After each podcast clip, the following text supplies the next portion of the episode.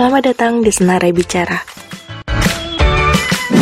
Oke, selamat sore kawan-kawan sahabat Senarai. Eh, kali ini kita podcast yang kedua di program Senarai Bicara.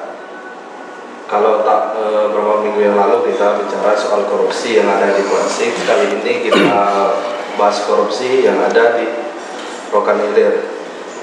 Nanti juga dari teman-teman Senarai akan membahas dan mem- memberikan pandangan soal apa-apa saja yang sudah ditemukan, kemudian analisisnya.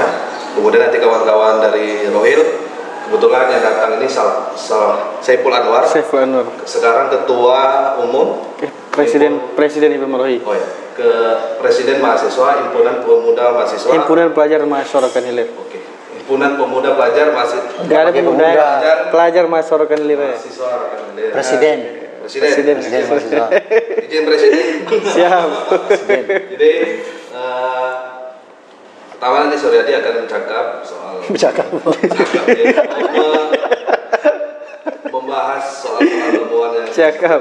nanti juga Saprol Saiful. sorry Saiful Saiful akan menanggapi juga kalau memang ada soal yang akan dibahas juga boleh Tuh, nanti apa apa yang gerakan karena saya eh, Saiful ini kan masih baru selesai kongres ya Baru selesai mubes, Mubes. mubes. Nah, Mubes nanti kalau ada program-program yang baik juga Siap. berkaitan dengan korupsi juga bisa dibahas.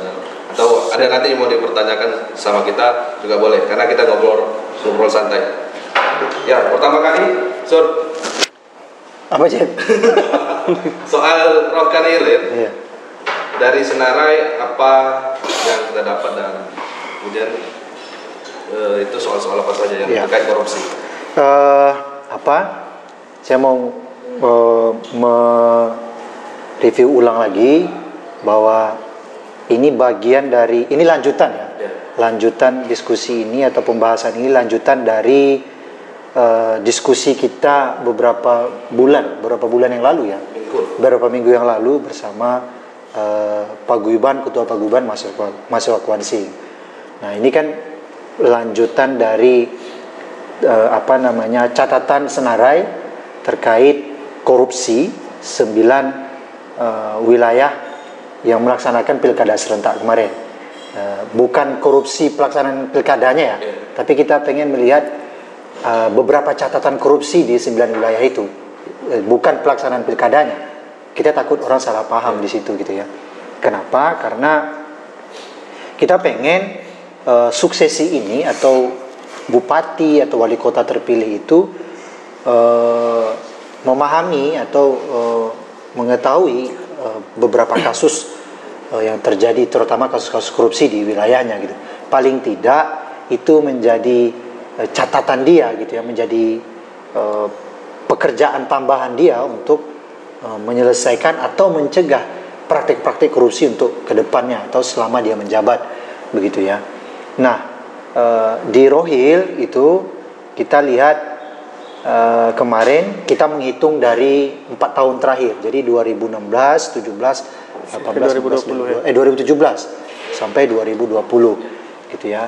Nah selama empat tahun itu ada saja kasus korupsi yang terungkap di di Kabupaten Rokan Hilir. Sebenarnya eh, apa namanya puncaknya itu menurut kita yang paling tertinggi itu tahun 2017 itu berdasarkan eh, catatan di sistem informasi penelusuran perkara pengadilan negeri Pekanbaru itu ada 15 kasus korupsi yang yang apa namanya yang ditangani 2017. Om, ya? 2017 di Pengadilan Negeri Pekanbaru. Kita curiga ini adalah kasus pungli ya, karena waktu itu kan ada tim saber pungli yang sangat uh, apa namanya intens sekali bekerjanya. Tapi setelah itu kita nggak tahu uh, apakah itu masih terus berjalan. Karena kalau kita lihat memang setelah 2017 itu kasus korupsi di Rohil terutama itu memang agak menurun.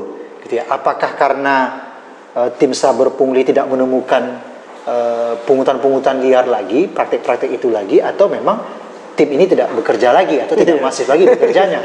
Gitu ya. dibentuk waktu itu ya. Iya.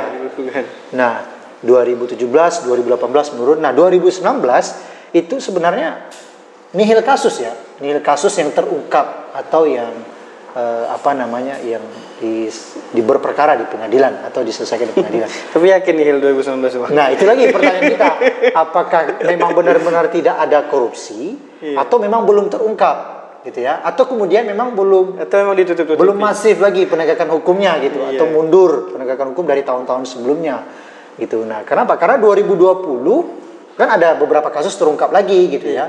Meskipun ini sebenarnya kasus korupsi kita lihat 2020 itu ada empat kasus Eh, itu sebenarnya peristiwanya tahun 2016 gitu ya, tahun 2016. Tapi dibuka lagi 2020. Iya, 2020 baru terungkap, bukan dibuka, tapi baru terungkap. Kita nggak tahu apakah proses penegakan hukum penyelidikan itu dimulai dari tahun 2018 atau 19 gitu ya. Tapi yang jelas eh, itu masuk eh, di daftar eh, apa namanya perkara pengadilan itu tahun 2020 gitu. Nah jadi apa yang kita lihat tahun 2020 itu pertama misalnya ada satu orang penghulu kalau di Rohel itu penghulu ya sekelas kepala Iya, desa. Kepala gitu desa ya.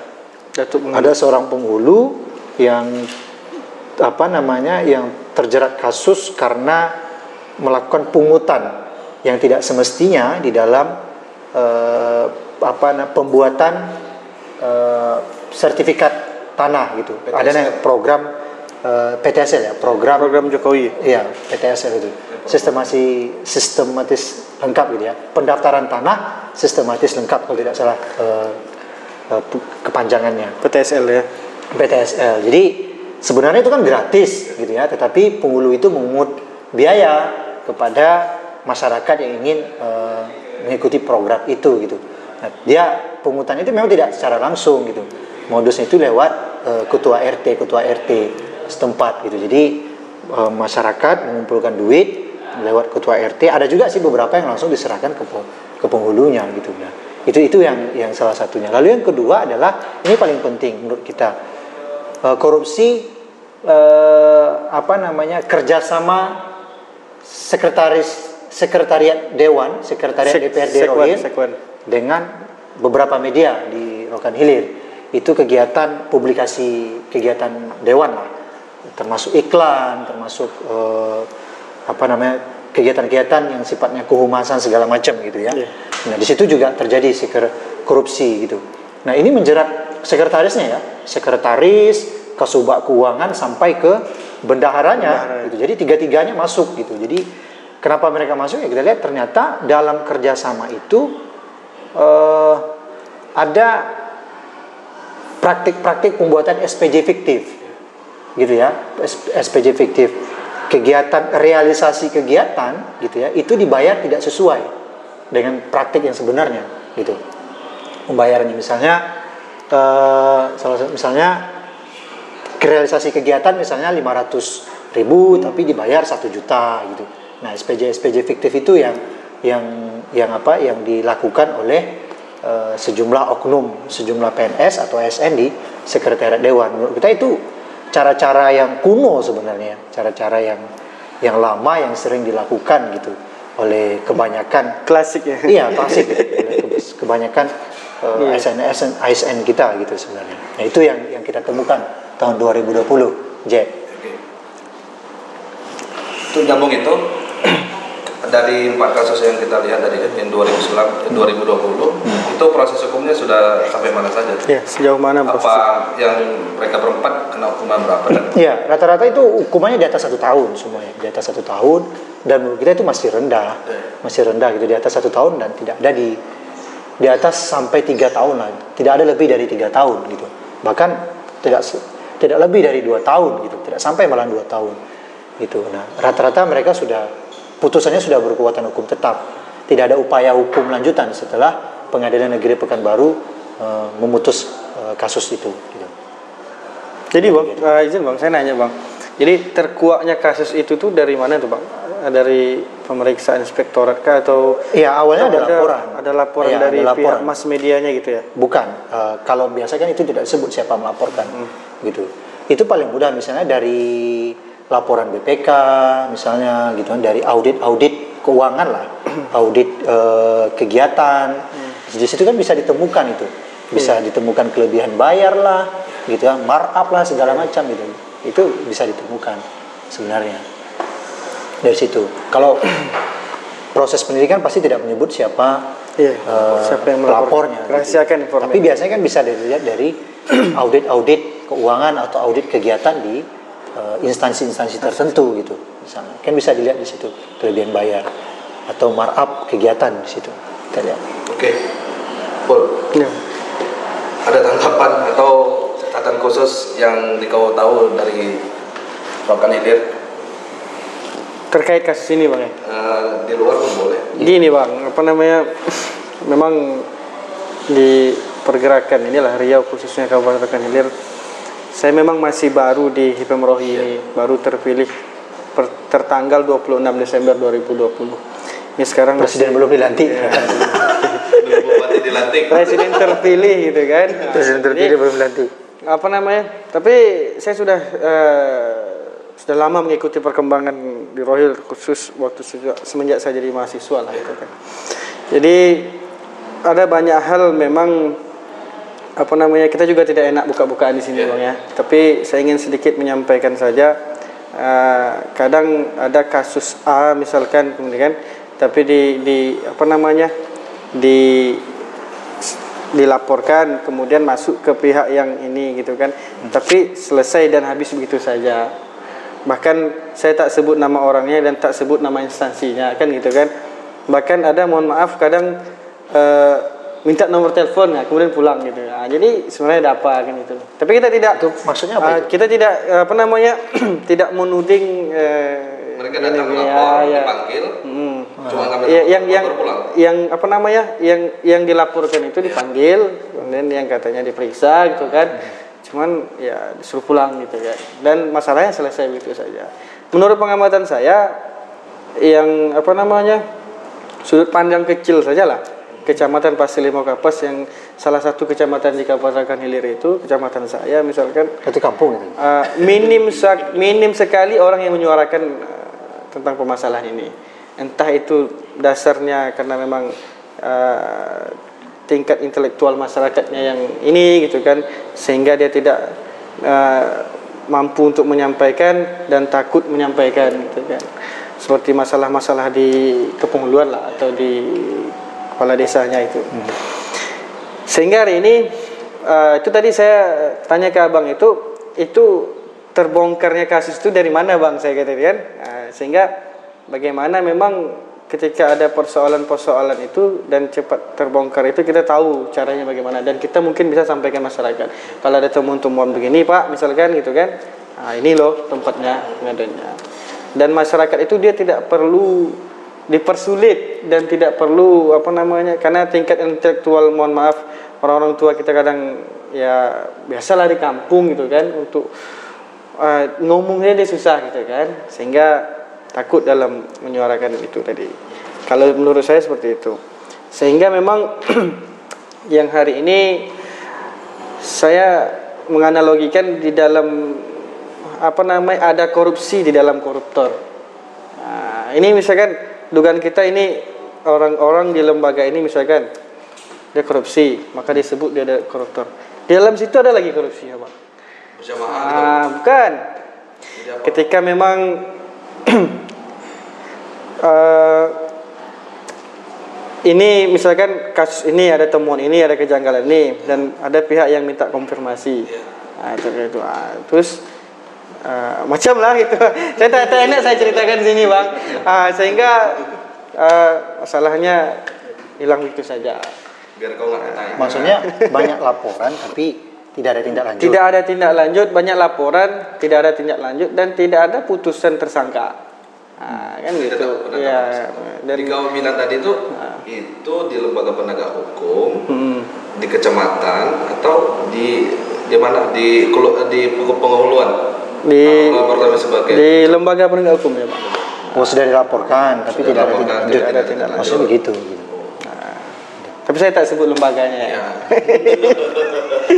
iya bang.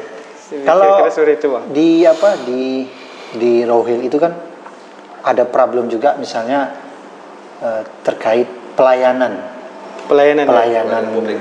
publik eh, instansi-instansi terhadap eh, masyarakat yang membutuhkan sesuatu bisa itu kan sempat apa namanya sempat jadi perbincangan juga kan gitu. Pelayanan apa tuh, Bang? KTP. Banyak lah, misalnya KTP atau semua instansi kan pasti but, pasti ada eh, apa namanya bagian pelayan-pelayanannya gitu ya. Bisa dari hal eh, pelayanan dalam pembuatan catatan kependudukan lah, Iya.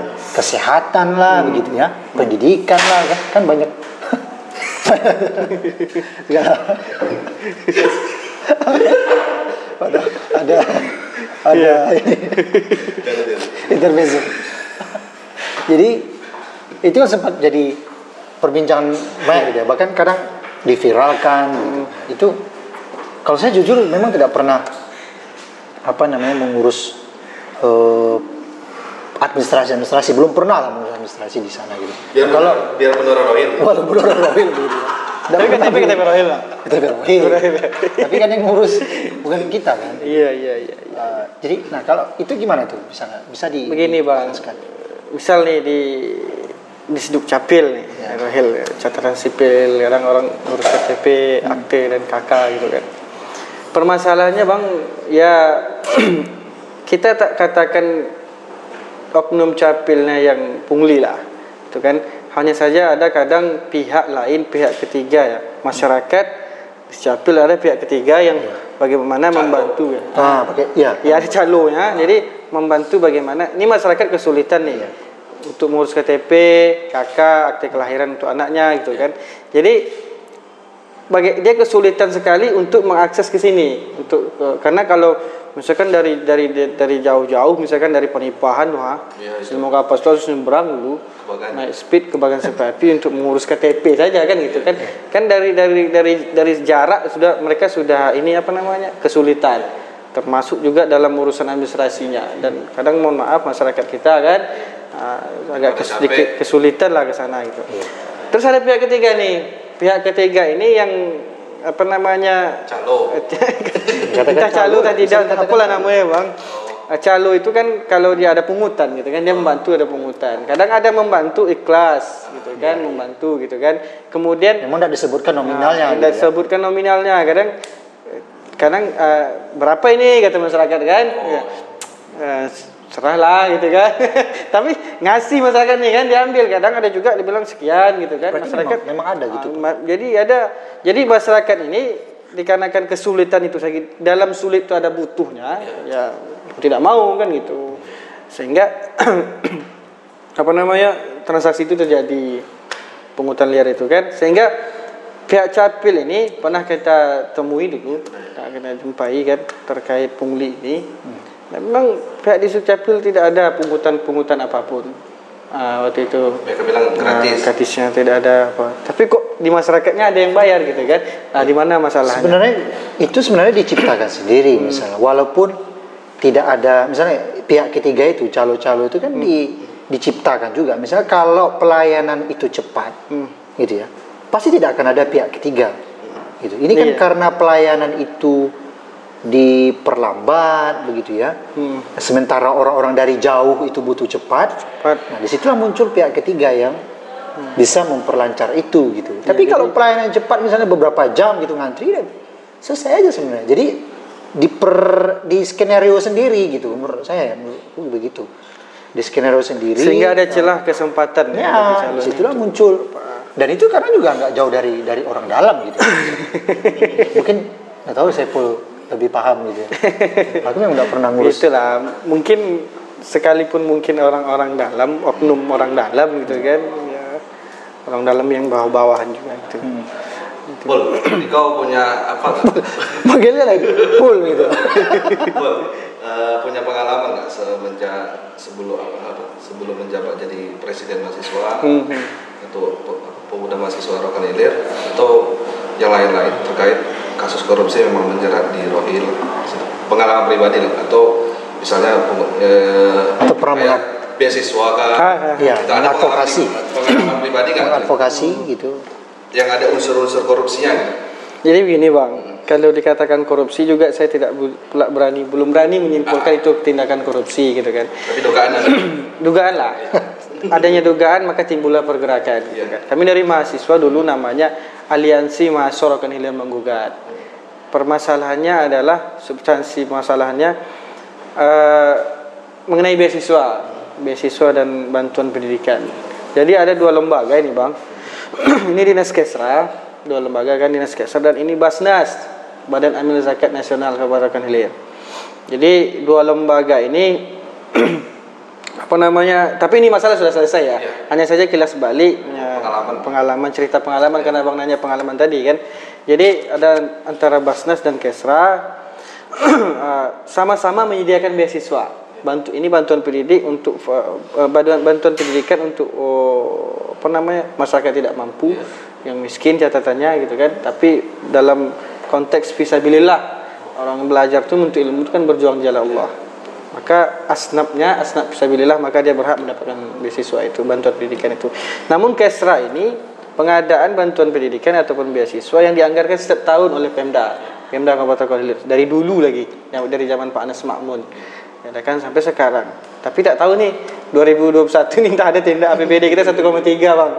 Entah ada atau tidak beasiswa itu. Jadi uh, dengan kriterianya kriteria yang di yang di apa nah di perbub ya perbub nah, nggak ada kriteria kriteria penerima itu. Dan basas ini kriterianya tak perbub tapi dalil Al-Qur'an. Lapan asna penerima zakat gitu kan. Jadi ya itulah kan sehingga ada persyaratan untuk pengajuan bantuan pendidikan namun dari kedua pihak ini ada jalur koordinasi yang tidak harusnya dikoordinasikan. Kenapa seperti saya katakan seperti itu Mahasiswa mengajukan beasiswa ke Kesra, namun Basnas mengintervensi untuk tidak mengeluarkan nama-nama yang di nama-nama ini misalkan datanya dilampirkan kemudian diserahkan kepada pihak Kesra untuk tidak dikeluarkan nama-nama ini. Ada ada sekian Alasannya apa? ratusan sekian ratus orang jumlahnya. Alasannya karena sudah disalurkan beasiswanya oleh Basnas. Oh, itu pikir alasannya. memang biasa begitu Ah, kan? Itu salah. Double- takut Iya, double. takut double karena melanggar ganda. nanti melanggar patah integritas tidak menerima beasiswa dari pihak lain itu tadi Ah, kan itu. Namun apa namanya dalam hal ini memang secara ini memang oke gitu kan. Tapi kan eh, permasalahannya sedari dulu Pemda itu menyediakan beasiswa bantuan pendidikan untuk mahasiswa. Pemda ini umum nih, baik muslim dan muslim apa pun agamanya selagi dia kurang mampu sesuai dengan kriteria perbub itu, maka berhak mendapatkan beasiswa itu. Tapi seleksi dulu berkasnya kan gitu kelengkapannya. Namun di Basas ini ya hanya mohon maaf ya orang muslim saja kena zakat kan zakat orang muslim dari dihimpun dari ASN TNI Polri gitu kan sehingga apa namanya kalau memang Basnas sudah tahu Kesra dari, sedari dulu menyediakan beasiswa itu kenapa Basnas adakan program itu? Program bantuan pendidikan itulah kalau semua sudah difasilitasi sudah diberikan oleh Kesra nih siapa yang akan diberikan Basnas ini bantuan pendidikan ini? Nah, sehingga apa namanya ada kejanggalan lah. Maka catatan kita dalam satu tahun itu ada dua kali bayar uang kuliah kan itu. Harusnya bisa satu semester dibantu oleh Basnas ke semester dibantu oleh Kesra harusnya kan ketika memang itikat baiknya membantu orang miskin kan itu Jadi hasil dari kawan-kawan mengadvokasi itu apa? Has- hasil dari kami mengadvokasi itu meskipun panjang permasalahannya bang sampai-sampai kami ini ya, tindakan kami terakhir eh, apa namanya tidak diindahkan gitu kan ya kami kesal. Segel kantor Basnas dan kantor Kesra. Dan pihak Basnas melaporkan ke Polres ya tindak pidana penghinaan kasus penghinaan. Nah, jadi kami dipanggil diperiksa ke Polres hmm, panjang prosesnya. Sehingga tak tahu kenapa tiba-tiba diajak berdamai. Diajak berdamai dan segala macam tuntutan dikeluarkan. Besok dari pengajuan kawan-kawan di Basnas keluarkan dan di Kesra dikeluarkan. Kalau Maka- beasiswa di Pemda itu juga ada klausul misalnya nggak boleh sedang tidak menerima dan ada juga gitu enggak? Ada memang. Kalau dari Pemda itu memang eh, ada, tapi pengajuannya duluan di Pemda, Bang. Artinya saat kawan-kawan mengaju ke Pemda itu belum dapat beasiswa Basnas nih, belum dapat apa-apa. Kira-kira salah enggak? Ya tak salah kan? Nah, Basnas ini datangnya terakhir, pengajuannya terakhir dan pencarian lebih dulu. Wah, itu dia masalahnya sehingga ya diatur itu jadilah. Maka apa namanya tuntutan dan hak kawan-kawan disalurkan semuanya. Dan kami juga dari pihak aliansi ya mengatakan tidak ada masalah lagi. Karena sudah ya tuntutannya cuma satu kok beasiswa gitu kan. Itu saja itu bang. Eh, apa namanya eh, pengalaman ini dulu, Bang. pergerakan ya Karena Yep. Pengalaman pengalaman apa tuh, Bro? Eh, dunia pergerakan di Rohir Pergerakan. terakhir ya Waktu sebelum jadi Presiden Mahasiswa Rohingya sudah aktif di Pema Rohingya. Saya dulu aktif juga di Premarohi di zamannya Kanabu Nawas.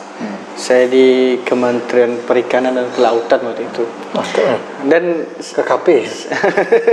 Gubernur. ya, jadi waktu itu saya juga ikat ketua Ikatan Keluarga Mahasiswa Rokan Hilir Universitas Abdurrab, Bang. Ah, jadi Unila itu ada Himarohi namanya, himpunan mahasiswa Unila gitu kan. Dan kedua setelah Unila itu kami lah. Oh. Di kau berarti ini dari Abdurrahman. Iya dari Fakultas? dari dari Universitas Abdurrab Fakultas Fisipol. Ah, jadi pernah juga nyalon presiden di Abdurrab kan, tapi tak terpilih. Pul, gimana menurutmu kalau kita berkaca dari kasus ini tadi ya, yang kusampaikan tadi bahwa ada kasus SPJ fiktif Hmm. dalam kegiatan publikasi DPRD eh, itu mungkin periode 2014 2019. 2019 ya, karena kan mata anggarannya 2016. Iya. Gimana kalau kamu melihat Kasus eh, kinerja-kinerja anggota dewan SPPD pada fiktif eh, yang baru-baru ini bang ya. bukan ya baik SPD fiktif atau melihat bisa nggak dilihat diukur misalnya kinerja kinerja DPRD pada Ini pada masalah periode itu masalah dugaan SPPD fiktif dulu atau kinerja DPD Rohil nih? bisa, bisa kan barengan dengan itu gitu kan sampai ada temuan SPPD fiktif juga ya pada periode itu ya Seperti itu. gitu. Nah, saya juga saya jawab dulu bang satu-satu mengenai apa namanya tanggapan saya mengenai kinerja DPRD lah periode lalu 2014-2019. Ya menurut hemat saya sih baik-baik saja. Buktinya tidak wa, dari du, apa namanya eh, dari 2014 sampai 2019 jarang ada demo di depan ini di depan DPR. Ya. Artinya dari segi sebelumnya sering demo gitu ya Se- periode sebelumnya banyak demo sering juga memang. Tapi waktu itu bukan tidak ada ya, tapi jarang lah. Beda dengan Pekanbaru kan. Sehingga apa namanya kalau dari segi controlling yang dilakukan oleh mahasiswa gitu kan uh, semacam tidak ada masalah. Meskipun ada masalah yang mungkin uh, tidak sampai keluar gitu kan. Itu itu itu mungkin uh, menurut pandangan saya terkait kinerja dewan. Namun mengenai SPPD fiktif ini bang saya gimana ya belum berani berkomentar apa-apa bang terkait ini karena memang uh, baru-baru ini uh, masalah SPPD fiktif ini memang hangat-hangatnya itu sampai-sampai informasinya hari Senin besok ada demo di depan Polda. Polda Riau. Iya Polda Riau. Uh, saya dapat kiriman apa tuh surat aksi Iya. hari Senin ini kalau tak salah saya ada sampai ada demo di depan Polda Riau Itu menyoalkan apa mereka? menyoal tentang SPPD fiktif Yang dilakukan oleh DPRD. yang yang mungkin mungkin dilakukan oleh DPRD Rahil pada masa itu ya periode 2000 Periode periode 2014-2019. Sehingga memang eh, mungkin kita tunggu saja proses hukumnya berjalan gitu kan, sehingga nanti kalau memang bersalah maka diputuskan gitu kan. Nah, menurut saya seperti itu. Tapi pertanyaannya, apakah saya terlibat dalam hal itu? Saya sebagai mahasiswa dan hari ini eh, kawan-kawan menunjuk saya sebagai presiden mahasiswa, tentunya saya saya juga ingin terlibat dalam hal itu. Dan hari ini saya sedang komunikasi dengan korlap aksinya, ingin duduk bersama, ingin cerita panjang lebar lah tentang persoalan itu. Jikalau itu memang menjadi persoalan masyarakat, kerugian negara gitu kan, itu juga menjadi persoalan kita bersama. Saya prinsipnya seperti itu, Bang. Tapi saya tidak ingin menuding orang yang belum tentu jelas ini, ah, Ah, kan? Tapi langsung kita tuding gitu kan. Artinya uh, ada proses ya, ada proses panjang gitu kan sehingga terjadinya apa ter- sehingga keluarnya putusan itu bersalah atau tidak bersalahnya. Namun saya tetap aktif uh, proaktif lah dalam permasalahan itu. Karena dalam waktu dekat tah sore ini tah malam ini saya ingin duduk dengan koordinator itulah konsolidasi ya. konsolidasi Apa itu perihal konsolidasi? SPPD efektif itu tadi. bawa tanah dulu tanah nanti kena covid Sebenarnya itu udah lama terungkap sebenarnya. Sudah lama dan Kalau kita flashback lagi, kalau kita lihat itu di pemberitaan-pemberitaan ini masih ada itu eh, dokumen apa namanya eh, catatan atau informasinya sudah lama kemudian hilang dan timbul lagi. Iya, Nah, itu informasinya. Dia kan kadang, kadang kan memang suka begitu kan. Ada situasi situasi tertentu dia muncul lagi itu. Tapi itu memang menjadi eh, PR-nya penegak hukum kan untuk Iya. menjawab itu. Itu karena ini sudah lama gitu lalu muncul lagi ya. Seharusnya penegak hukum serius membukti. Kalau dia terbukti bersalah ya harus diumumkan. Begitu juga kalau tidak terbukti gitu. Harus diumumkan ke publik gitu ya. Jadi Iya. tidak menjadi perdebatan yang tidak berujung gitu. Karena itu sudah lama gitu. Tetap harus ada ujung ya. Iya, harus ada ujungnya, Bersalah atau tidak bersalah harus Iya. ada ujung. daripada nanti orang demo-demo terus gitu ya gitu dan, dan itu juga kita, kita tidak bisa menyalahkan orang demo Iya. karena itu kan bagian daripada menjawab eh, apa namanya menjawab keresahan. keresahan mereka atau kegundahan mereka terlepas kalau misalnya ada itu intrik-intrik politiknya lah segala macam gitu ya. Dan itu menarik kalau kita kaitkan dengan eh, yang temuan yang kita paparkan tadi Yang dari yang dari sekwan itu gitu. Nah apakah juga ada keterkaitan mereka? Karena kan prodenya sama ini. Sama, ya. sama gitu. Sama. nah, 2014, itu, itu harus dijawab. Yang bisa menjawab itu ya penegak hukum. Gitu. Kalau memang misalnya terjadi berduyun-duyun anggota dewan anggota DPRD Rohil eh, masuk penjara ini akan menjadi sama kayak Jambi kan sama Sumatera Utara ya ada beberapa peristiwa di Jawa gitu Bengkalis dulu Bengkalis kan, pernah, Bengkalis. kasusnya bansos gitu ya ini akan menjadi Korupsi berjamaah. praktik atau gambaran buruk eh, terkait kinerja anggota legislatif kan di di Riau gitu. Pro- anggota DPRD Riau juga dulu berdua pernah ada beberapa yang tersangka kasus PON misalnya kan itu juga. Jadi bang, Nah, banyak misalkan, terlibat. misalkan, misalkan kasus ini terbukti dan anggota DPRD Rohil dinyatakan bersalah. Ini misalkan nih, kira-kira bagaimana apa namanya? Eh, saya bertanya pula sama bang nih, bagaimana kira-kira tanggapan eh, abang gitu kan? Eh, karena memang satu-satunya lembaga resmi sebagai apa namanya jembatan aspirasi masyarakat ya satu-satunya kan dewan namun misalkan nanti dewan ini terbukti bersalah. Kira-kira gimana tuh bang? Apanya? tanggapan abang.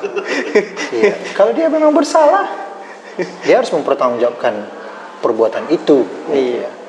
Nah maksudnya Dari- siapa lagi yang harus dipercayai masyarakat gitu kan dewannya saja misalkan. Bersalah. kita apa namanya itu kan kita tidak bisa me- menyalahi institusinya. Yang kita kritik oknum ya oknum ya. adalah oknum, oknumnya. oknum dewannya. Jadi eh, institusinya lembaga legislatifnya DPRD-nya ataupun misalnya eh, eksekutifnya itu kan itu hanya bagian daripada alat alat pemerintahan gitu ya. Dan kita tidak bisa menyalahi eh, mekanisme eh, kerja pemerintahan itu itu Eh, tetapi praktek-praktek oknumnya yang yang kita kritik gitu ya yang kita kritik. Nah banyak kalau kamu tanya bagaimana kita bisa mempercayai eh, yang akan datang itu anggota dewan ya banyak cara lah sekarang kan dunia sudah sangat terbuka sekali gitu ya kita bisa tahu bisa kenal orang tanpa bertemu gitu ya hanya dengan media sosial segala macam gitu kita meskipun pun bisa meskipun pertama kenal di media sosial dan ketemu beda Iya. Itu, itu beda lagi asli ya. sama foto Itu, Iya. itu, itu mungkin editannya luar biasa gitu. ya. Tetapi ada- kan perangai nggak bisa di Iya. diedit gitu ya. Jadi ya tinggal kita misalnya melihat ke apa namanya eh, rekam jejaknya lah gitu ya, lalu kedekatannya lah gitu, lalu kerjaan dia sehari-hari sebelum menjadi pejabat kan bisa dilihat gitu. Dan sekarang sangat terbuka apalagi misalnya dalam pencalonan itu kan harus ada melaporkan eh, beberapa harta kekayaan lah segala itu kan bisa diakses untuk melihat itu gitu. Dan dan itu bisa disampaikan lah ke publik ke masyarakat begitu ya. Dan ingat dan itu juga tidak menjamin dia akan berlaku baik ketika menjabat gitu ya. Dan kontrol atau pengawasan itu harus tetap dilakukan gitu. Selama dia menjadi bupati atau dia menjadi anggota dewan ya tetap harus diawasi terutama terkait janji-janji dia saat menjabat misalnya gitu. Jadi intinya kita tidak bisa menyalahkan institusinya tetapi praktik-praktik oknumnya yang yang kita kritik dan kita awasi. Nah teman-teman lah saya rasa teman-teman paguyuban misalnya eh, pemuda pelajar atau mahasiswa organilir yang yang lebih bisa intens mengawas mengawasi itu misalnya terkait temuan kita ini itu misalnya catatan kecil kita ini itu bisa menjadi bahan diskusi dengan eksekutif maupun legislatif tentang perbaikan eh, tata kelola eh, keuangan daerah lah PR Bupati baru ya. pemerintahan lah begitu nah itu Karena masih energik ya, Iya, itu semangat. Apalagi Bupati Rohil terpilih sekarang ini masih muda-muda ya. Bupati yang muda kan, wakil presiden juga muda. presiden ya? Jadi ini bang, saya ter, apa namanya teringat tadi yang abang sampaikan eh, perihal masyarakat kesulitan dengan pengurusan KTP, ak- KK dan akte kelahiran dan lain sebagainya yang menyangkut tentang data kependudukan. Jadi bang, sama-sama tahu lah bang Rohil juga kan. rohil semua Jadi bang, abangnya abang yang kamper ya. Jadi bang, eh, di Rohil itu mungkin ada beberapa daerah, beberapa daerah yang aksesnya sangat jauh, jauh kemudian akses jalan yang sulit menuju ke Bagan Sepapi, ibu kota Kabupaten Kadilir. Eh, saya berharapnya kepada pemerintah, kepada Pemda Rohil lah khususnya, bagaimana yang kesulitan ini bagaimana supaya mereka tidak kesulitan lagi untuk pengurusan KTP sehingga dari rumah bisa apa mudah untuk ke kantor kantor di Secapil itu sembari juga disosialisasikan untuk pengurusan KTP begini caranya. Tapi untuk kalau pengurusan KK begini. tanya saya, Ah. sekarang kan rekam sudah bisa di kecamatan kan? Ya, mereka mereka memang sudah di kecamatan, namun seles- siap KTP-nya harus diambil diambil di Duscapil. oh harus ngambil sendiri Harus Duscapil. Nah, mirisnya seperti ini. Apa namanya? Ya, saya saya saya, saya pun belum telusuri terlalu jauh lah tentang itu tuh. Masyarakat apa namanya yang sekitar rumah saya saja sampelnya. Contohnya, jadi untuk satu KTP itu kadang ada sampai 100 ribu uang. Pertanyaan saya, uang itu dikemanakan gitu? Mau dibayar ke siapa? Iya. Bahkan kita langsung mengurus KTP, saya sempat mengurus KTP keluarga saya lah di Nusyapil itu tak ada bayaran apa-apa. Nah, Kita jadi gara-gara tahu kok presiden. itu udah tahu lah ya. Oh, dia, ya. Nah, jadi jadi kalau orang dia memang gratis lah. kalau orang-orang tertentu nah ini ini dipercepat gitu ya. Nah, baik presiden mahasiswa, baik apa pun dia, siapa pun dia, memang gratis, Pengurusan pemerintah seharusnya gratis. Memang gratis, tapi kan ada sampai di masyarakat Jadi 100 100 ribu itu didapat? Itu siapa yang minta dan dibayar ke mana itu tak tahu lah. Belum tahu pasti lagi. Tapi memang target saya memang mengusut tuntas ini. Iya. Pungutan liar di, di, di saat masyarakat kesulitan ini kan gitu. Dia mengambil kesempatan di saat masyarakat butuh.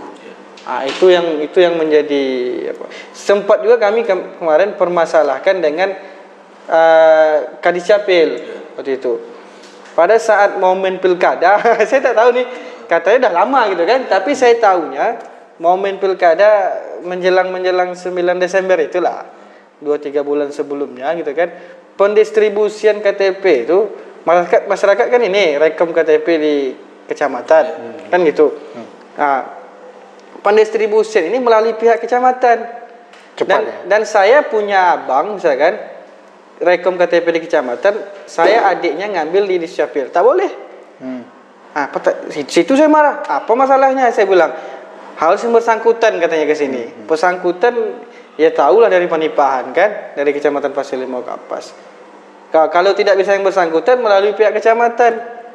Nah, dan juga eh, sehingga ini dugaan saya ya, meskipun juga ada apa namanya masyarakat yang menyampaikan ya oknum ASN itu ini memanfaatkan eh, bagi KTP ini door to door gitu kan kemudian untuk kepentingan inilah ya. Sehingga Berarti Itu. sebelum-sebelumnya tidak Nah, pernah se- begitu ya. katanya sebelumnya pernah tapi kan sebelumnya ada men- mengait-ngaitkan pihak kecamatan gitu kan. Atau di Pemda Royal kalau di beberapa tempat kan ada namanya sistem pelayanan eh, satu pintu kemudian itu juga pakai mobil. Misalnya PTSL itu di beberapa tempat dia datang ke kelurahan-kelurahan per hari atau ditentukan harinya nanti mereka buka stand pakai mobil nanti masyarakat datang Hmm. itu juga data-data kependudukan jadi pengalaman di Rohil ada nggak begitu jadi mereka jemput bola nih bukan nunggu bola nih Ada pelimpahan bang. kan itu Ya, ya Panipan katanya. iya kan itu kan salah satu program Iya. Ya maksudnya ada enggak pelayanan-pelayanan yang jemput Heeh. yang langsung menjemput bola atau ASN-nya langsung ke masyarakatnya begitu. Kalau Panipan pakai Panipan pakai speedboat lah. Mungkin sosialisasinya ada ya? Ada. Ada mungkin. Sosialisasinya ada mungkin, tapi kan sekedar sosialisasi dan tidak menjawab persoalan masyarakat yang butuh KTP itu kan, butuh apa namanya? itu masih Jadi- dekat kan bahan bisa naik speed kalau dari Iya. Bagan Batu berapa malam enggak bagan batu bisa Dekat Pak. lah, bisa Bagan pakai Batu. mobil. Dekat ke dari Bagan. Jadi Ya, yang kasus ini yang dipikir. kasus penghulu itu ini maksud saya tadi harapan senang saya. Harapan saya memang apa namanya untuk daerah-daerah tertentu Iya. ini yang mungkin katakan 3T ini bang. Ah, penipuan 3T bang. Terpencil terpencil terluar eh, tertinggal. tertinggal. Nah, maka tolonglah perhatian khusus pemerintah kan. Karena baik itu di Panipan 18 kecamatan soal ini semuanya butuh KTP kan gitu. Kebutuhannya sama kan? Tapi kan harapannya perlakuannya terhadap daerah yang ini juga harus prioritaskan jangan pilih-pilih kan? Karena di kecamatan ini kemarin nggak nu- nggak memilih dia. Ah, itu. Itu lagi misalkan. Kemudian ini bang ba, ba- apa nah? BPUN BPUM bantuan UMKM dari pusat. Oh ya Ah, itu kan. Artinya masyarakat berbondong-bondong nih ngurus ngurus ini bantuan ini supaya juga dapat bantuan kan gitu. Usaha, ya. bahkan dari yang punya usaha sampai yang tidak punya usaha dan nebeng usaha orang lain betul. Sehingga Ya, supaya itu- dapat juga ya, lah. itu banyak Ah, gitu. supaya dapat juga lah kan bantuan itu kan. Namun ada usaha jadi dari usaha dia ambil warung orang, foto orang. orang-orang gitu ya so transparan kan lewat ATM iya Bagusnya itu dibikin ini, bikin apa catatan temuan karena itu dilaporkan. Gitu. jadi bang dalam masyarakat butuh butuh lah uang ya 2,4 juta kan apalagi covid kan Iya, butuh. Abang butuh bang. Jadi butuh uang ini bang 2,4 juta gitu kan. Kalau ini kalau keluar pencairan ke rekening pribadi masuk SMS eh, notifikasi dari BRI maka pencairan gitu kan. Jadi dalam kondisi masyarakat yang butuh ini ada juga oknum yang memanfaatkan ini bang. Memanfaat, memanfaatkan ini kadang ada kalanya eh, apa namanya saya bantu ibu sampai lulus misalkan. Ya, Nanti masuk tapi ada imbalan. masuk masuk ke rekening 2,4 juta nanti berapa untuk saya Nah, kadang kadang dia nanya gitu berapa untuk saya kemudian ada juga untuk saya segini ya Oh, untuk saya 200 ya Potong lah, 300 potong ya. jasa. Itu tadi jadi kan nah, itu kenapa persoalan itu bisa terjadi permasalahan itu bisa terjadi? Ya karena masyarakat butuh ini.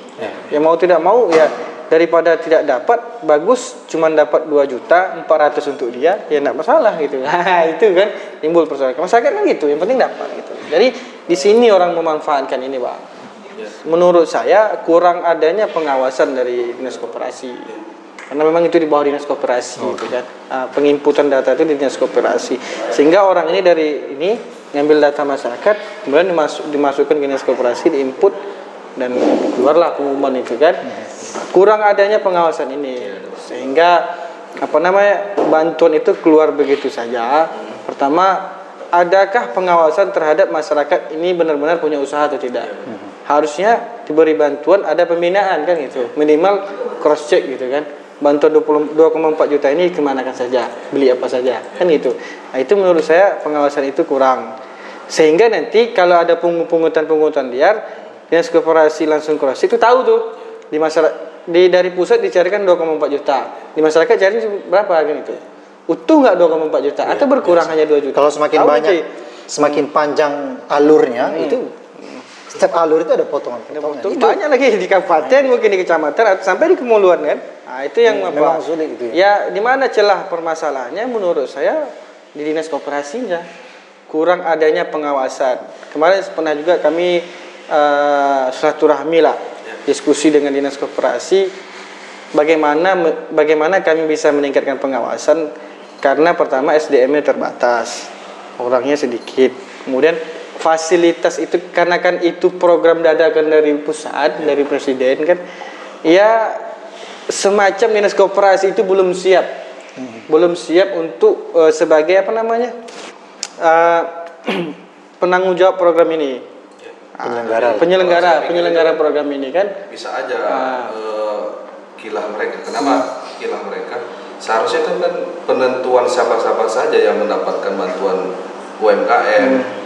Dana-dana COVID, untuk BLT dan segala macam itu memang harus dilibatkan dari RT. Hmm. Jadi siapa yang tahu masyarakatnya kan RT. iya Kades ataupun penghulu kan nggak tahu sampai Mak- situ kan. Maka informasinya yang disampaikan Bu Kabit UMKM itu katanya untuk 2021 tidak boleh orang lain selain selain dari desa mengajukan itu permohonan bantuan itu tadi. Berarti harus mulai dari Ah, desa. harus dulu. melalui desa. Pun kalaupun ada calon nanti setelah itu- apa namanya itu tak bisa menjamin juga peraturan sebenarnya. baru itu berarti yang calon Saya orang bisa desa. menjamin bahwa data yang dikumpulkan oleh desa itu juga valid. Ah. Biar- Justru itu lebih takutnya juga akan Nepotisme. ada main mata juga. Iya, karena kepala desa kepentingan politik kan. hasil Nah terkait hasil itu, terkait karena ini ngomong kepala desa tadi. Ah. Temuan kita tadi itu kan yang PTS. Yang terkait program PTSL. PTSL itu eh, itu kan eh, pelakunya kan nih ke penghuluan nih penghulu gitu. Nah kalau kita lihat kan sebenarnya kasus-kasus di kepenghuluan itu kan tidak hanya terkait pungli-pungli itu, gitu. Ada banyak kasus juga eh, beberapa teman kita misalnya kayak pengelolaan dana simpan pinjam lah gitu ya, kemudian bumdes, kemudian proyek-proyek di desa yang menggunakan dana desa gitu ya, atau anggaran desa, anggaran dana desa itu. Nah, nah, gimana nih kalau eh, apa namanya pengetahuan teman-teman mahasiswa atau pelajar masyarakat relate Tentang apa tadi bang? ya tentang kinerja-kinerja kepenghuluan gitu ya. Terkait bumdes ya. Iya, terkait segala macam lah. Kalau yang kami sampaikan tadi itu kan baru satu masalah itu. Hmm, Dan kita yakin tidak tidak hanya itu saja masalahnya. gitu. Jadi saya ingin menanggapi tentang bumdes lah. Artinya setiap desa kepenguluan ya, kecuali kelurahan-kelurahan tak ada bumdes bang ya. Hmm. Jadi setiap kepenguluan itu ada dana khusus untuk bumdes gitu kan. Iya. Badan usaha milik desa yang harapannya goalsnya adalah supaya desa itu bisa mandiri, Hmm. memiliki penghasilan sendiri. Ya apa namanya? Misalkan desa apa nama itu di apa itu di Jawa itu penghasilan bahkan setahun itu triliunan gitu kan, lebih besar dari ADD anggaran dana desa yang dianggarkan pemerintah. Itu harapannya. Maka nawacita presiden itu membangun Indonesia dari pinggiran itu terwujud dengan adanya bumdes ini kan gitu Milik Desa.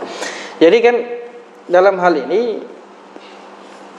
desa itu diberikan modal lah untuk usaha ada direkturnya kan itu lembaga resmi gitu kan di bawah kepala desa gitu kan.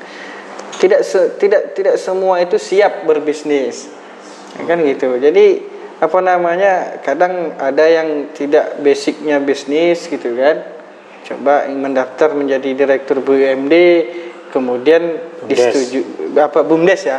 Kemudian disetujui oleh kepala desa keluar SK-nya bumdes direkturnya ini kadang mohon maaf dari segi pendidikan kadang ini gitu kan ah, sehingga menjadi direktur bumdes sehingga hasilnya apa gitu kan?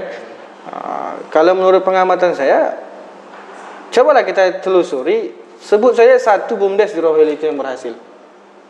Temuan dari kawan-kawan apa? ya Ada yang berhasil. ah, berhasil adalah Dia nanya ini.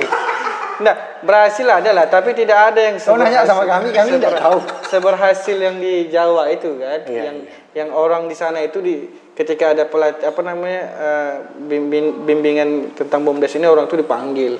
Bagaimana sih trik-trik Iya. kiat-kiat supaya bumdesnya berhasil gitu kan. Tapi itulah tadi, kalaupun apa namanya eh, bumdesnya berhasil ya syukur-syukur bisa membiayai apa namanya eh, membiayai karyawannya apa namanya itu Iya.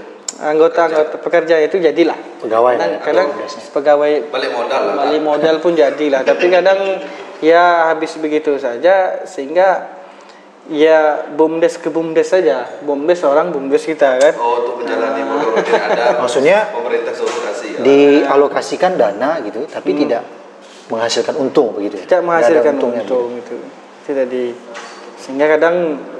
Kalau praktik-praktik pungli itu memang banyak di kepenghuluan. Ada praktek memang pungli. Kalau tadi kan kalau kita lihat di dinas-dinas sering begitu. Tapi kalau di penguluan juga ada ya?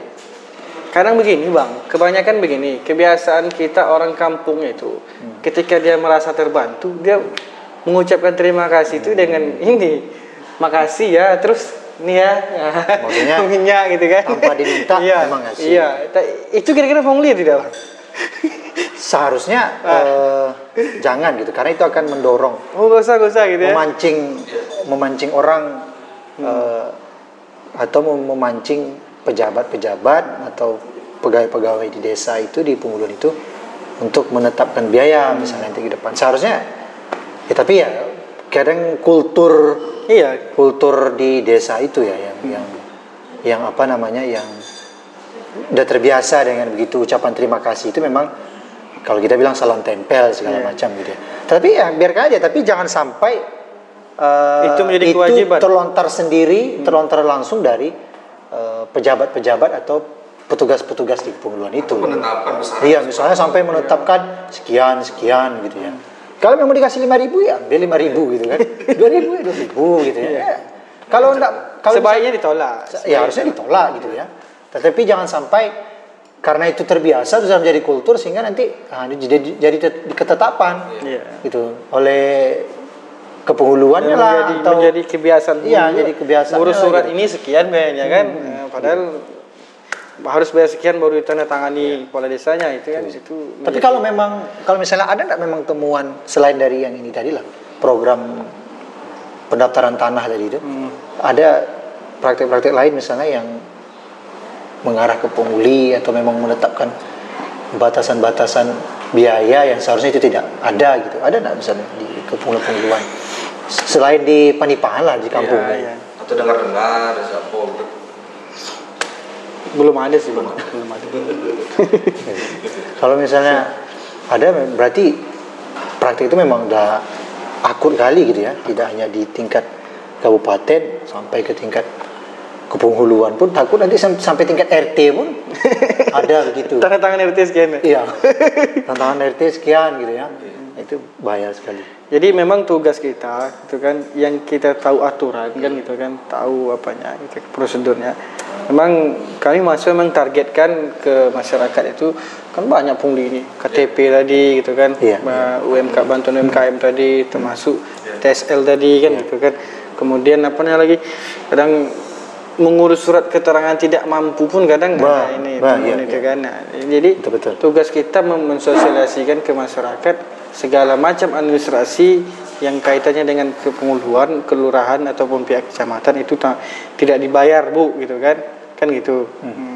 Jadi jikalau ada pungutan-pungutan biaya sekian biaya sekian, sebaiknya tidak usah dibayar. Iya. Laporkan kepada pihak atau laporkan ke mahasiswa. Kalau mau kasih ya terserah lah. Kalau gitu. mau kasih, oh, janganlah dilarang, kami mau ngasih katanya. Nah terserahlah kan gitu kan. Maksudnya jangan sampai Jangan sampai menjadi itu menjadi kewajiban iya, baru kewajiban. baru bisa surat itu dikeluarkan. Itu sih. Kalau tugas kita nanti sesuai fokusnya memang masalah KTP tadi, catatan kependudukan untuk sosialisasi di masyarakatnya. Bahkan nanti kita bantu uh, mempermudah masyarakat kalau untuk mengurus KTP ini syaratnya harus rekom lo gini ini kakak juga surat harus ada surat keterangan dari pengeluaran gitu kan. Akte kelahiran ada surat keterangan bidan apa segala macam. Nanti kita bantu sosialisasikan. Kalau bisa nanti apa namanya di warung-warung nanti kita tempelkan Wih, Ah, di tempat juga ya. tempat keramaian gitu kan semacam Mantau kertas. ya bisa jadi mantau transaksinya di warung kan. apalagi di Ya kan banyak kan transaksi-transaksi gitu tuh kan banyak di parkiran lah, di kedai kopi lah, ya. di WC juga ada di toilet. Atau di warung kan, tren baru kan di warung sambil main batu ini kan. Asosiasi bantuan UMKM itu juga nanti kan harus mau tidak mau bagaimanapun prosedurnya, bagaimanapun tingkat kesulitannya harus sampai di rekening masyarakat Ya. dan ditarik itu 2 juta 400. saya usul juga mahasiswa kan ini kan IP Marohi itu kan tersebar di 18 kecamatan 18 kecamatan Jadi Serohil. ada tiap-tiap kecamatan ataupun tiap-tiap desa yang ditunjuk jadi pengawas ya kan Hmm. Ya, betul nggak si A itu butuh untuk dana UMKM ini atau bantuan langsung tunai tadi? Iya. Betul juga kan? Tapi jangan, kerja. tapi jangan menga- mengatasnamakan Ah. KPK. kan banyak tuh kan, pakai baju KPK gitu. Ya, Jadi bisa memang juga, kan? jadi memang gini bang, eh, ada temuan misalkan ban, apa namanya ada pihak ketiga yang membantu menguruskan bantuan UMKM ini. Iya, iya. Jadi temuan temuan sementara kita ini kita cerita bang ya. Temuan Cerita. sementara ini berkas ah, map gitu kan. Di dalam map ada temuan uang gitu kan. Diantar ke dinas koperasi gitu kan. Itu memang luar biasa bang. Banyak ya. Diambil dari masyarakat sekian, kemudian ditaruh uang di berkasnya untuk orang dinas koperasi supaya supaya mempermudah supaya itu tolong inisiatif haluskan orang ini tolong inisiatif orang yang lagi berurusan atau memang atas permintaan atau saran dari inisiatif pihak ketiga itu bang. Masyarakat dinas koperasi ada pihak ketiga kan? Hmm. Oh, pihak ketiga itu inisiatif supaya memuluskan yang berkas yang dia masukkan ini. 100 orang misalkan. 100 orang itu tolong di Selipkan di situ. selipkan. Sudah di memang marah kali gitu kalau ada seperti itu ya memang kalau secara ego kita bang yang tindakan yang dibuatnya ini eh, untuk bagaimana meluluskan nama-nama yang ini kan gitu ke ke ke koperasi. Kalau secara ego kita ya artinya masyarakat kita terbantu gitu kan setuju kita. Cuman kan nanti ujung-ujung minta uang dari masyarakat ini yang 2 juta 400 ini nggak utuh lagi kan. Nah, padahal yang mungkin yang dia kasih cuma 50 yang dimintanya 300 ribu 400 ribu kan. Nah itu yang menjadi apa beda halnya dengan apa namanya dia dari kecamatan ini misalkan uang transportasi dia ke sini ngantar berkas itu terus terang kan? Transparan dia ada berapa orang dia misalkan ada 50 orang nih yang dibantunya berapa biaya dari kecamatan ini ke bagian api kan gitu dinas koperasi berapa. Inti ibu iuran ya ban- bantu uang transportasi. Kalau itu kan transparan kan? Jelas kan ada kesepakatan sebelumnya. Ada penetapan biaya itu saya kira tak masalah. Dan zolim juga rasanya kita nyuruh dia bantu kita untuk masukkan berkas ke dinas koperasi tapi dia keluar uang sendiri. Nah, zolim gitu tuh bang. Jadi terakhir lah enggak Mhm. panjang nanti nanti kita cerita satu di luar. Jadi harapan dari kawan-kawan dari Pemerohi apa? Soal kita sudah banyak bahas-bahas masalah dari sektor pelayanan publik untuk masyarakat kemudian eh, eksekutifnya ke dinas-dinasan kemudian juga dewannya sudah banyak kita bahas. Jadi harapan bupati yang jelang beberapa nggak lama lagi dilantiknya apa dari kawan-kawan juga kira-kira jelang kawan-kawan nanti dari Saiful dilantik jadi presiden mahasiswa pemuda. Pelajar mahasiswa Rokan Oh, iya. Itu apa?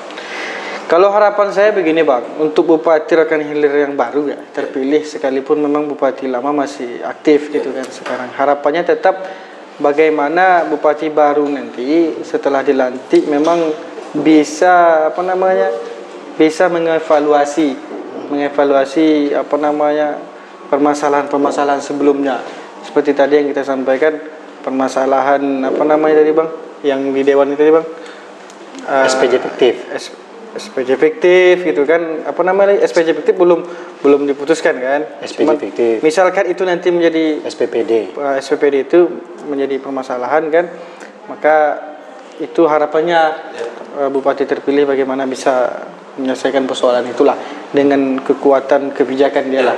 Itu satu. Kemudian masalah apa namanya catatan kependudukan gitu kan uh, di sudut Pelayanan publik ya. pelayanan publik supaya lebih diperhatikan tadi yang saya harapkan tadi untuk daerah-daerah tertentu yang aksesnya jauh dari ibu kota dari bagian api untuk dipermudah bagaimanapun itu caranya. Sehingga apa namanya mereka merasa haknya sama dengan masyarakat lain yang Sinaboy jalannya bagus dekat dengan bagian api batu hampar gitu kan. Ah, tanah putih rimbu melintang gitu kan. Sehingga mereka, mereka merasa haknya sama dan meminimalisir tindakan pungli itu tadi Nah, karena memang ada kemudahan gitu kan sehingga dia bisa langsung ngurus KTP dia gitu. Kemudian eh, untuk uh, bantuan UMKM tadi itu bagaimana karena menurut keterangan eh, Kabit UMKM-nya pertama kekurangan SDM kekurangan tenaga ini tenaga penginput data dan pengawasan itu tadi kekurangan itu. Kemudian tidak adanya anggaran khusus tentang ini artinya mereka survei di lapangan di masyarakat tidak ada anggaran. Maka maka tidak terjadi survei itu tadi. Maka wajar saja masyarakat baik punya usaha dan tak punya usaha nasib-nasiban dapat. Nah, jadi perlunya pengawasan itu tadi. Harapannya memang ya kalau memang kekurangan tenaga SDM bantulah. Tambah honorernya kan itu. Kemudian uh, kalau tidak ada anggaran khusus untuk mereka apa namanya operasional mereka ini survei di lapangan ya dibantu gitu kan. Nah, itu targetnya bang. Kemudian saya berharap dengan selain bupati terpilih, saya berharap dengan kawan-kawan media, kawan-kawan media juga berharap ya bagaimana proaktif lah. Artinya ada media, ada LSM, ada mahasiswa yang terus terang saya katakan bang, kalau saya prinsipnya mahasiswa ini uh, bukan bukan mencari kebenaran atau bukan mencari apa nama hal yang baik kinerja daripada Pemda itu untuk dipuji ya itu hal biasa lah. Kalau Pemda itu pemerintah itu kinerjanya bagus, itu memang sudah kewajiban dia harus kinerja bagus. Cuman yang menjadi persoalan tuh kalau dia kinerjanya tidak bagus itu yang menjadi kesalahan dia. Kan gitu. Artinya yang bagus itu tidak perlu dipuji. Prinsipnya gitu. Yang bagus itu tidak perlu dipuji karena memang itu sudah kewajiban. Orang lah misalkan sholat dia sholat Sebenarnya orang sholat tidak perlu dipuji karena ada kewajiban ya kan. Nah itu. Cuman yang yang yang harusnya kita marah itu yang orang tidak sholat itu. Nah, sama dengan hal Pemda itu yang tidak menjalankan tugasnya dengan baik itu, itu yang menjadi persoalan kita dan kita mahasiswa memang itu yang kita cari. Kesalahan-kesalahan itu yang mungkin kita cari dan mungkin kalau bisa kita selesaikan selesaikan. Kalau bisa memang aspirasi masyarakat sam tak sampai memang kita sampaikan aspirasi itu sehingga ada tindakan-tindakan apa nama yang seharusnya kewajiban itu bisa terlaksana dengan baik.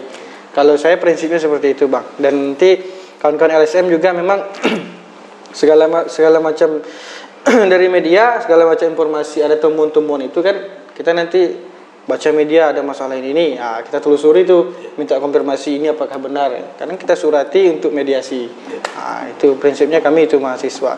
Jadi saling sinergi nanti ya karena cerita tentang rohil gitu kan siapa yang tidak ingin rohil itu lebih baik gitu kan. Harapannya memang masyarakat juga memang adanya pemimpin baru adanya bupati yang baru harapannya rohil juga memiliki apa namanya ada hal yang lebih yang baru dan ingin rohil lebih baik. Berhubung juga memang bapak bapak bupati pak wakil bupati juga masih muda ya masih energik lah yakin kita optimis kita Rohil bisa lebih baik ke depannya itu saja mungkin dari saya bang ya, closing mantap closing ya. macam juru kampanye ya. bagus ya. ada yang terakhir sir ya uh, apa namanya kita meyakini ya gitu ya uh, bahwa masalah korupsi di Rohil itu tidak tidak hanya di satu institusi dan tidak hanya beberapa oknum saja gitu. Melihat praktik-praktik dan uh, melihat praktik dan cara kerjanya itu menurutku uh, kemungkinan besar itu juga dilakukan oleh oknum-oknum yang lain dan di institusi yang lain gitu. Karena seperti yang saya perlu bilang itu cara-cara klasik gitu ya dan dan dan terus menerus dilakukan. Hanya saja belum sampai aja uh, penegakan hukum ke situ atau masih menunggu proses. Contohnya yang kasus yang kita paparkan ini kan kasus 2016 baru terungkap 2020. Ini saya sendiri aja minum nih bang. Ya, Lanjut. bilang gitu. Iya. Nah palingan ya untuk apa namanya untuk men, men, menimal, meminimalisir itu ya ke depan harus memang harus ada sanksi tegas betul terhadap ASN yang memang hmm. terbukti melakukan itu. Ya sudah dipecat gitu ya. Dipecat atau diberhentikan secara tidak hormat barangkali itu bisa menjadi ketakutan uh, ASN-ASN yang lain gitu ya. apalagi misalnya yang kalau kita lihat kan masih muda-muda itu hmm. 35 tahun gitu ya. Masih kalau kita lihat janjang karir PNS itu masih tinggi. Dan sudah melakukan praktik-praktik begitu praktik korupsi praktik culas begitu kan sayang tuh. Kalau dia diberhentikan sedini mungkin kan dia juga yang rugi jadi harus ada sanksi tegas juga selain penegakan hukum juga harus ada sanksi tegas dari uh, pemimpinnya, Pemimpin, bupatinya bupati. begitu ya. Lalu juga terkait program pendaftaran tanah tadi itu ya sebaiknya itu disosialisasikan ke masyarakat bahwa sebenarnya itu gratis segala macam gitu ya. Jangan sampai ada pungutan-pungutan sekecil apa pun itu dari baik dari RT, dari RW ataupun dari kepenghuluan gitu ya. Jadi BPN-nya terutama itu harus sosialisasikan masif dan turun langsung ke masyarakatnya menyampaikan bahwa ini adalah gratis dan segala macam tidak ada pungutan apa pun di situ gitu ya lain hal dengan foto-foto kopi biaya lain itu ya tanggung sendiri lah Sedikit bang tambahan untuk 2021 ini informasinya di Royal itu APBD hanya sekitar 1,3 triliun. Mungkin di bawah itu mungkin kan itu. Kalau di atas dari itu mungkin berat gitu kan. Sehingga harapan saya memang karena saya memang pernah eh, membantu kawan-kawan ataupun memperjuangkan hak kawan-kawan di beasiswa itu tadi bang. Beasiswa yang dianggarkan Pemda setiap tahunnya. Kami dari mahasiswa memang berharap kepada Pemda lah bahwasanya beasiswa itu harus tetap ada karena memang mengingat ditambah lagi momen covid ini kan perekonomian orang tua perekonomian masyarakat ini agak sedikit terkendala sedikit bermasalah sehingga harapannya bukan beasiswa itu dihapuskan tapi beasiswa itu kalau bisa ditambah lagi dari daripada tahun-tahun sebelumnya gitu kan. Tidak lain dan tidak bukan tujuannya bagaimana membantu perekonomian mahasiswa ini tadi uh, sehingga supaya kawan-kawan harapan saya supaya kawan-kawan lebih semangat lagi. Karena memang uh, mahasiswa itu selain belajar ilmu pengetahuan ya tujuannya merawat negeri ini kan itu. Jadi kalau tak ada beasiswa nanti malas kawan-kawan kan. Berpikir negeri seribu kubah. merawat negeri seribu kubah. Tak ada kawan-kawan nanti siapa yang kritis lagi? Tinggal saya sendiri nanti kan? Nah, dia, dia, dia merasa tidak adanya kepedulian Pemda sama dia kan? Nah, jadi tidak ada kepedulian negara ini sama dia. Sehingga itu itu itu mungkin yang menjadi apa namanya kebanggaan kami dari Kabupaten Rokan Hilir dibanding kabupaten lain. Rohil itu tidak pernah absen memberikan beasiswa beasiswa kepada mahasiswanya setiap tahun. Dari zaman Pak Anies Makmun itu. Nah, beda dengan kabupaten lain ada yang yang ada Bengkalis, Bengkalis, Inhu kan. Nah, Rohil memang luar biasa. Kalau bisa memang prestasi itu, prestasi Pemda Rohil memberikan beasiswa kepada mahasiswa itu tetap dipertahankan. Kalau bisa ditingkatkan apalagi memang di tengah masa Covid ini. Oke. Itu saja, Bang. Udah. Cukup? Oke, cukup. Mungkin pembicaraan kita ini bisa didengar di YouTube ya ya habis ini kita bisa didengar nanti di setelah di editing di YouTube Senarai Eh, kanalnya nanti apa podcast Senarai Bicara. lupa dia Terima kasih waktunya saya Paul Anwar, Siap. Presiden mahasiswa pemuda pemuda Pelajar Pelajar mahasiswa pelajar mahasiswa Rokan Hilir, Rokan Hilir. Dari Senarai, kawan-kawan dari Rokan Hilir yang sudah melihat kita dan Melihat dan mendengar. Eh, kita akan berjumpa di program Senarai Bicara yang lain dengan pembicaraan tetap dengan korupsi dan juga kabupaten-kabupaten yang lain. Tetap tetap. di sini